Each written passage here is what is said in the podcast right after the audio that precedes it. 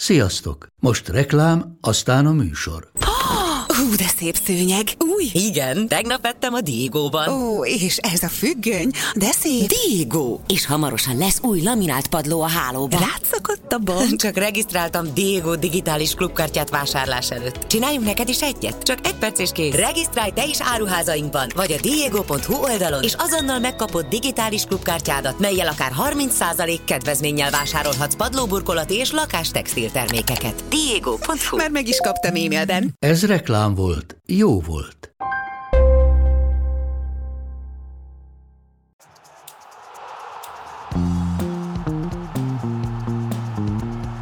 Ez a teljes terjedelem. Magyarország első futballpodcastja. Sok szeretettel köszöntünk mindenkit, újra itt a Best League Fantasy, én Kádár Máté vagyok, és hát persze most is itt van velem Csutak Levi. Sziasztok! Ezúttal Vái Bencét köszönhetjük az adásban. Sziasztok! Akivel nem olyan rég még Whitecard utáni gondolatokról beszélgettünk, és hát azóta hogy, hogy éled ezt a gyönyörű szép játékot? Nem úgy, hogy ez gyönyörű szép lenne. Borzasztóan. Ez olyan szinten megkeseríti az életemet a, a Premier League Fantasy is. Amúgy az összes fantasy játék NFL-ben is játszom például, és ott is olyanok történnek meg, amiket ő, tényleg csak felidegesíteni tudja magát az ember hétvége közepén, miközben nézni a meccseket. Itt is én nagyon próbálkozom, nagyon faragok rajta, nagyon igyekszem, rátok is próbálok hallgatni, meg saját ötleteket is, és semmi sem működik az égvilágon, úgyhogy remélem, hogy hát ha most elérkezik az áldás.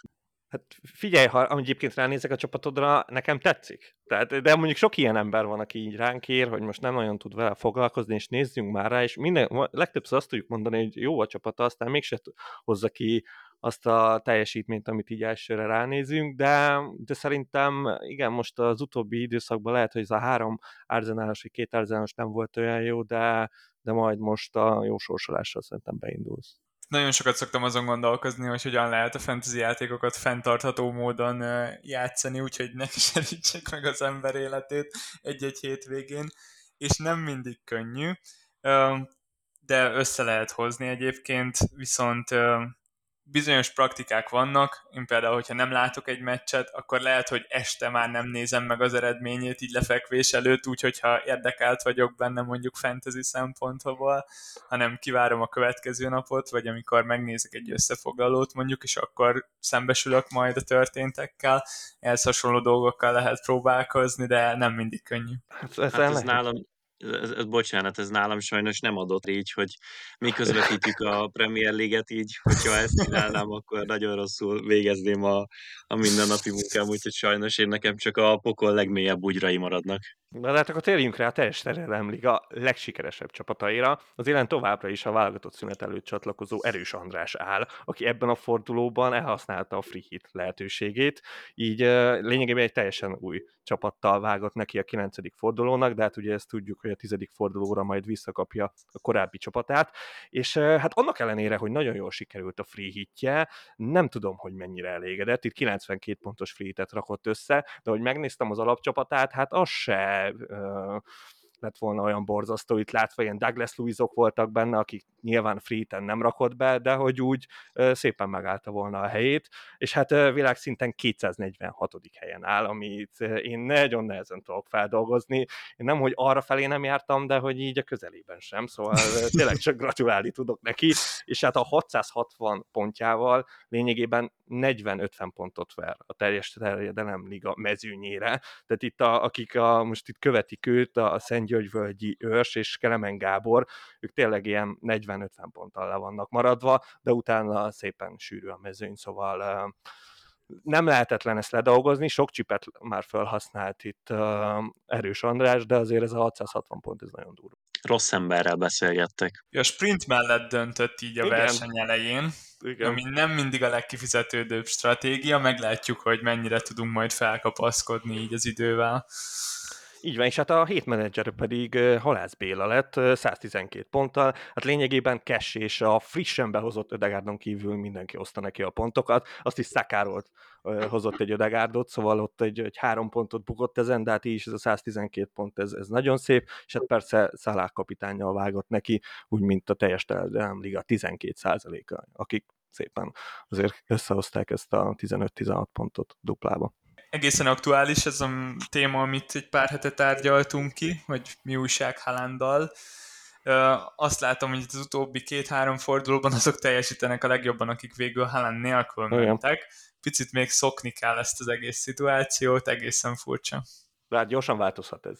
Én ma abszolút tartom magamat még amellett, hogy hogyha valaki már mondjuk használt elcsipet, vagy szeretné picit máshova tartalékolni, és nem akar abba beleesni, hogy Hollandnak a kivitele, meg a visszatétele is az egy nagyobb ívű manőverezés, tehát hogy lehet, hogy az elhúzódna két-három hétig, ha valaki ezt nem szeretné csinálni, akkor nem baj, hogyha bent hagyja, mert el fogja kezdeni megint ennél nagyobb mennyiségbe lőni a gólokat, úgyhogy az nagyon meglepne, ha nem ő lenne a PL gól királya.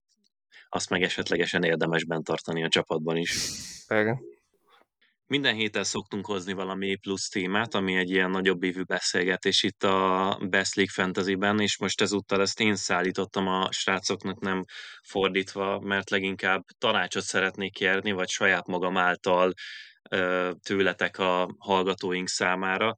Én nagyon sokat szoktam gondolkodni, és szerintem rengeteg sok pontot lehet vagy nyerni, vagy elbukni azon, hogy ki hogyan tart ki játékosok mellett, mert alapvetően azt gondolnám, hogy ugyanúgy, mint ahogy a fociban is, a kíméletlenség az, ami a legjobb módszer itt, és hogyha valaki nem jól teljesít, akkor indulás ki a csapatból is, és menjen kifelé, és hogyha két hétig rosszabb teljesítmény nyújt, akkor cseréljük le, de közben meg amúgy lehet, hogy valójában nem, és néha két-három hétnyi hűség az, az összességében többet tud adni, úgyhogy mi a tapasztalatotok, tapasztalatotok ezzel kapcsolatban?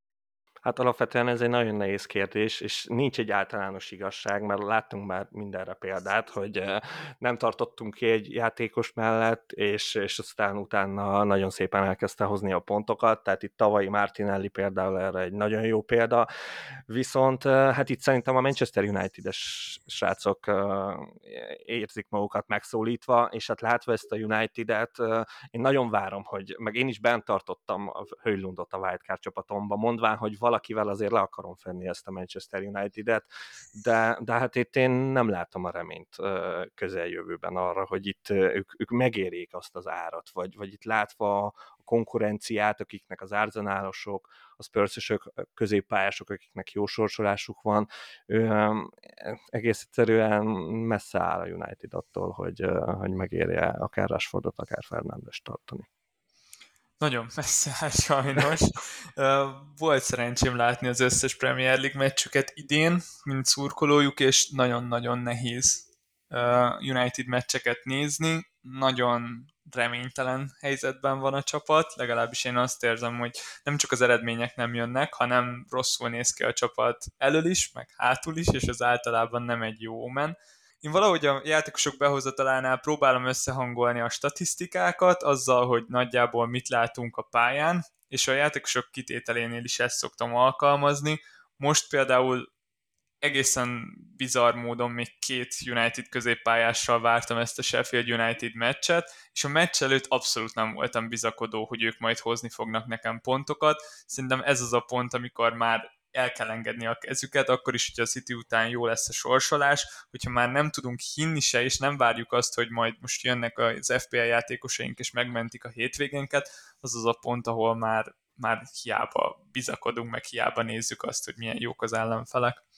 Ez egy érdekes dolog, hogy ilyen intuitív jelleggel mondjátok, hogy érdemes ezzel foglalkozni, és tényleg nem úgy van, hogy mondjuk nem tudom, az az általános vélekedés itt az FPL közösségben, hogyha tényleg van valakinek nem tudom, három rossz hete, akkor azután érdemes kiszedni, hanem mindenki menjen ilyen szinten a saját érzelmei meg a feje után. Én Rashfordot egy ideigben tartottam, aztán most már két vagy három hete kiszedtem, az egy jó döntésnek bizonyult, de szerintem egy csomóan indítottak Bruno Fernándessel, Mántal, nyilván mindenki, vagy nem mindenki, nem sok mindenki berakta a Höjlundot azóta. Én nekem, aki a Unitedből szívás az, hogy a tavalyi szezonból fakadólag én azt hittem, hogy a védelmük az ilyen faszán fog zárni, és André mondanám, mert ő nagyon olcsó volt kapusok között viszonylag, a top csapatok kapusai között főleg. Én nekem mai napig ő a kapusom, mert na arra viszont nem akartam ellőni eddig egyelőre transfert, pedig egyébként egy csomó pontot érhetett volna.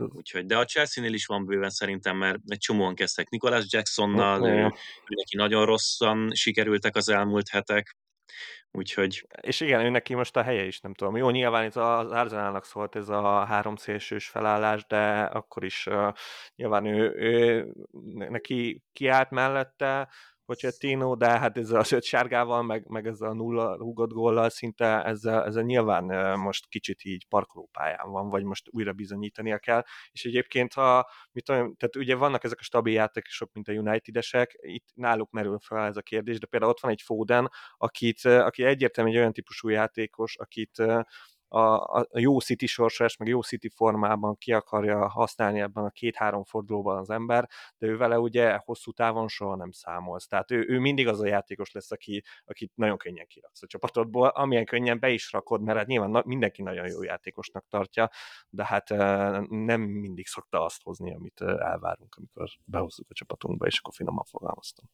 Igen, általánosságban nehéz megfogalmazni, hogy mikor kell kirakni valakit, pont ezért nagyon fontos, hogy olyan játékosokat rakjunk be, akiket viszonylag kényelmesen tudunk tartani, akár olyankor is, amikor rossz a formájuk. Szóval Bruno Fernandes és a Manchester United is szerintem nagyon rosszul néz ki az elmúlt hetekben, viszont Fernandes bármikor lehet még egy hétig tartani, azért mert ott vannak a 11-esek, ott vannak a pontrugások, alapvetően egy nagyon kreatív játékos, akinek bármikor eshet egy gól vagy egy assist, és, és pont ezért ez, ez nagyon jó arra, hogy amikor nem teljesít, olyankor is ki tudjunk mellette tartani, hogyha van égető problémánk, viszont ha vannak jó alternatívák, mint például most az arzenálosok akár, akkor viszont nagyon könnyen tudunk megszabadulni tőle is, vagy, vagy akár Rásfortól. És én most úgy vagyok wildcardon, hogy, hogy ott volt ez a két United játékos a csapatomban, viszont kicsit fura módon egy nagyon jó fordulót zártam, 90 pontom lett, az egyik legjobb fordulóm volt ebben a szezonban, és, és mégis megnyomtam a wildcardot, és mégis ki fogom cserélni ezt a csapatot, és ez pedig főleg azért van, mert nagyon sok játékosomnak változik a sorsolása, ami elképesztően fontos ebben a játékban, szóval például egy Bumó nagyon-nagyon sok pontot tudott nekem hozni ebben a fordulóban, előtte kicsit akadozott, most viszont a Brentfordnak nehezebb lesz a sorsolása, és ehhez hasonló fordulások vannak, és így jutottam el a wildcardig úgy, hogy egyébként a csapatom felét meg fogom tartani, mert vannak jól teljesítőek, viszont mégis fel tudom frissíteni ezt a gárdát, annak ellenére, hogy jól teljesítettek így búcsúzásképpen. Én azt nagyon tudom értékelni, hogy te ennyire inkább megpróbálsz elől maradni, ha már előre jutottál, és nem arra vársz, hogy elkezdjen berosdásodni a csapat. Én ugyanezt próbáltam, az nem sikerült, de ti azért ilyen szempontból tapasztaltabbak vagytok, szóval el tudom hinni, hogy, Még... hogy ez sokkal jobban fog ez, ez mindig el szokták mondani a PL csapatoknál is, de itt FPL-ben különösen igaz, hogy még szezon eleje van. Tehát, hogy, hogy itt, itt a tabella, meg amit itt mutatnak pontok, sokszor nagyon messze vannak az igazságtól. Tehát messzebb, mint egy, egy tényleg valós foci tabella. Tehát itt tényleg itt a, a csipek elhasználásával, meg, meg nagyon könnyen itt abba hagyhatják az emberek a játékot, és akkor aki már végigtől egy szezont, az, az már nagyon szép helyezést elér azt viszont kifejezetten erősnek éreztem, hogy megpróbálok előmaradni. Nagyon sokat szeretnék változtatni a rangomon, mert, mert van hova. Tényleg ez volt az egyik legnehezebb szezon kezdete számomra. Nagyon nehéz volt eltalálni, hogy, hogy honnan is jönnek majd ezek a pontok. Most Most viszont nagyon sok játékosra megpróbálok odafigyelni, így, hogy bárkit berakhatok. Van-e olyan játékos, aki kifejezetten tetszett nektek így az elmúlt hetekben, vagy akiről azt gondoljátok, hogy jól fog teljesíteni mostanság? Hogyha már említettük a Chelsea-t, akkor én onnan találtam egy ilyen utolsó játékos, mert lassacskán mm, belőlem kifogy ilyen szempontból az üzemanyag ajánlások terén. Mudrik szerintem az elmúlt hetei alapján nem is annyira borzasztó drága, most szerencsére úgy is tűnik, hogy beverekedte magát a kezdőbe, és hát egyelőre, ugye ezt megbeszéltük szerintem pont, amikor így hármasban voltunk, akkor, akkor beszéltük azt, hogy hát a Chelsea-nek lesznek góljai, mert túl nagy csapat ahhoz, hogy ne legyenek, azok pedig hát elég korlátott mennyiségű embertől érkezhetnek Sterlingtől, Nicholas Jacksontól, és nagyjából is el itt, fogy, el, itt el is fogyott a, a névsor. Most Mudrik az, aki éppen ez a sor van, ő neki volt uh, gólpassza az ukrán válogatottban is, meg 11-es hozott össze, meg most is ugye viszonylag szerencsével sikerült egy gólt lőni az Arzenálnak, úgyhogy szerintem ő egy ilyen jó kis radar alatt futó játékos lehet oda. És ott mit gondolsz a Chelsea támadó hármasáról? Mert, mert mondom, ott, ott nyilván a Sterling egy biztos pont, tehát ő, ő, nincs az az tényező, ami miatt ő kikerülne abból a kezdő 11-ből, de ott itt a, hirtelen a Cole Palmer megjelenésével, aki ráadásul 11-es lövő is abban a csapatban, és akkor a Mudrik is itt szépen, és akkor még mi lesz Nicholas Jacksonnal, szóval itt bennem merültek föl kérdőjelek, hogy most akkor ki is lesz stabil. Az biztos, hogy nem nagyon van közöttük olyan, akire azt tudnám mondani, hogy végig fogja, ahogy van szépen tolni az egészet. Tehát Mudrikról sem gondolom, hogy feltétlenül bérelt helye van a kezdőben, csak most van annyira jó formában, mm. és kezdi annyira megtalálni az ő legjobb szerepkörét Pochettino, hogy szerintem éppen érdemes ráülni erre a hullámra, aztán hogyha bejön, akkor utána nyilván egyébként bent ragadhat, de na most itt tényleg ő egy ilyen forró játékos ha már Chelsea játékos, akkor hogy, hogy nem Palmert mondtad, mert nekem kettőjük közül ő az, aki szimpatikusabb, én őt veszélyesebbnek érzem, és, és azt érzem, hogy egy új szint hozott ebbe a Chelsea-be, és egy egész pozitív meglepetés, talán az egyik legjobb igazolásának tűnik a Chelsea-nek, ami egész nagy szó. Szerintem őt könnyebb kicserélni a kezdőből különböző meccstervekkel. Uh-huh. Az, hogy ő, hát úgy igazolták, hogy elvileg ilyen 8-as, 10-es átmenetnek mondta a Pochettino eredetileg, és most az Arsenal ellen is nagyjából valami hasonlót játszott, az attól függ, hogy te kit hova szeretnél beéleszteni. És hogyha a csatárt szeretnél, de közben legyen két szélsőd is fent, akkor ő azért annyira nem nagyon fér be, akkor a Gelegernek is a pozíciója, amit végre Isten adja, hogy megtalálta Pochettino, hogy talán nem a védelem előtt kéne ültetni szerencsétlent, aki nem tud lefordulni a nyomás alatt senkiről sem. Úgyhogy emiatt meg Enkunku, ahogy láttam, elkezdett már edzeni, ami azt jelenti, hogy még vagy szerintem egy hónapra van attól, hogy visszamenjen a csapattal együtt edzeni, de így hosszú távon én, én Palmer csere szabatosabbnak látom. Hát én itt az olcsó középpály, vagy olcsó, olcsó csatárok között keresem a megoldást, és hát vannak bőven, de hát a minőséget nem igazán találtam még meg, és hát itt a Brightonnak hirtelen a rossz sorsolása javulni látszik, és Welbeck nem tudom, hogy mennyire sérült, nem, nem volt bíztató Decerbinek a, a sajtótájékoztatója, úgyhogy maradt a Evan Ferguson és a Joe Pedro kettőse, és hát nem igazán tudom dönteni mellettük.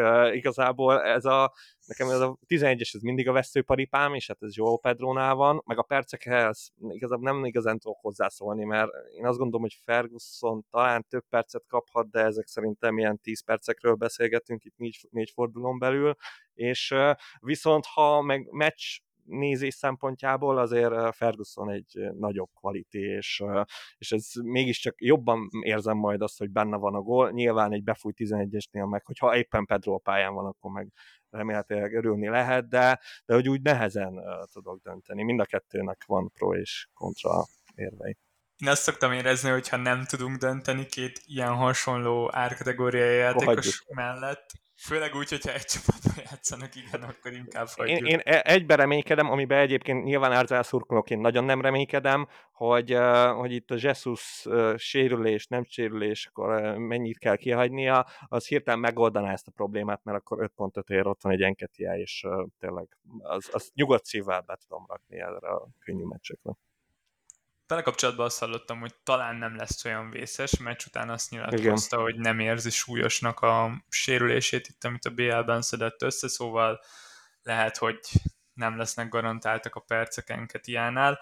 Én egy középpályást hoztam, ráadásul Bovent, egy olyan játékost, aki nem biztos, hogy ott lesz a Wildcard csapatomban, viszont most fordulni fog a West Ham sorsolása, itt nagyon sok Areola tulaj várta már ezt az időszakot, és hogyha West Ham, akkor Areolán kívül Bovent érzem annak a biztos stabil pontnak, aki, aki lényegében egy talizmán szerepet tölt be ebben a csapatban, hogyha gólt lő a West Ham, akkor, akkor én mindig azt érzem, hogy Bowen lesz ott valahol a közelében, ha gól, passz, ha gól. Mostanában volt egy pár olyan gólja, aminél azt éreztem, hogy hm, igen, ez megtörtént, de talán szerencsésnek mondható ez a találat. Á, de Vannak klasszis megvillanása is, gondolok itt például arra a fejesre a Liverpool ellen. Egyszerűen ezért a talizmán szerepje miatt hoztam, és azért, mert a veszemnek most lesz majd igazán kellemes a sorsolása, szóval szerintem rajta érdemes lesz elgondolkozni. Mindenképp. És hát köszönjük szépen a figyelmet. Ne felejtsétek el, hogy péntek esti deadline lesz, szóval nem másnaposan jusson eszetekbe, hogy éppen cserélni kellett volna.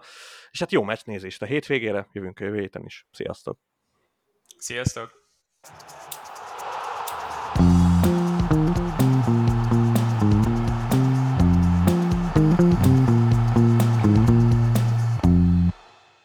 Ez a műsor a Béton közösség tagja.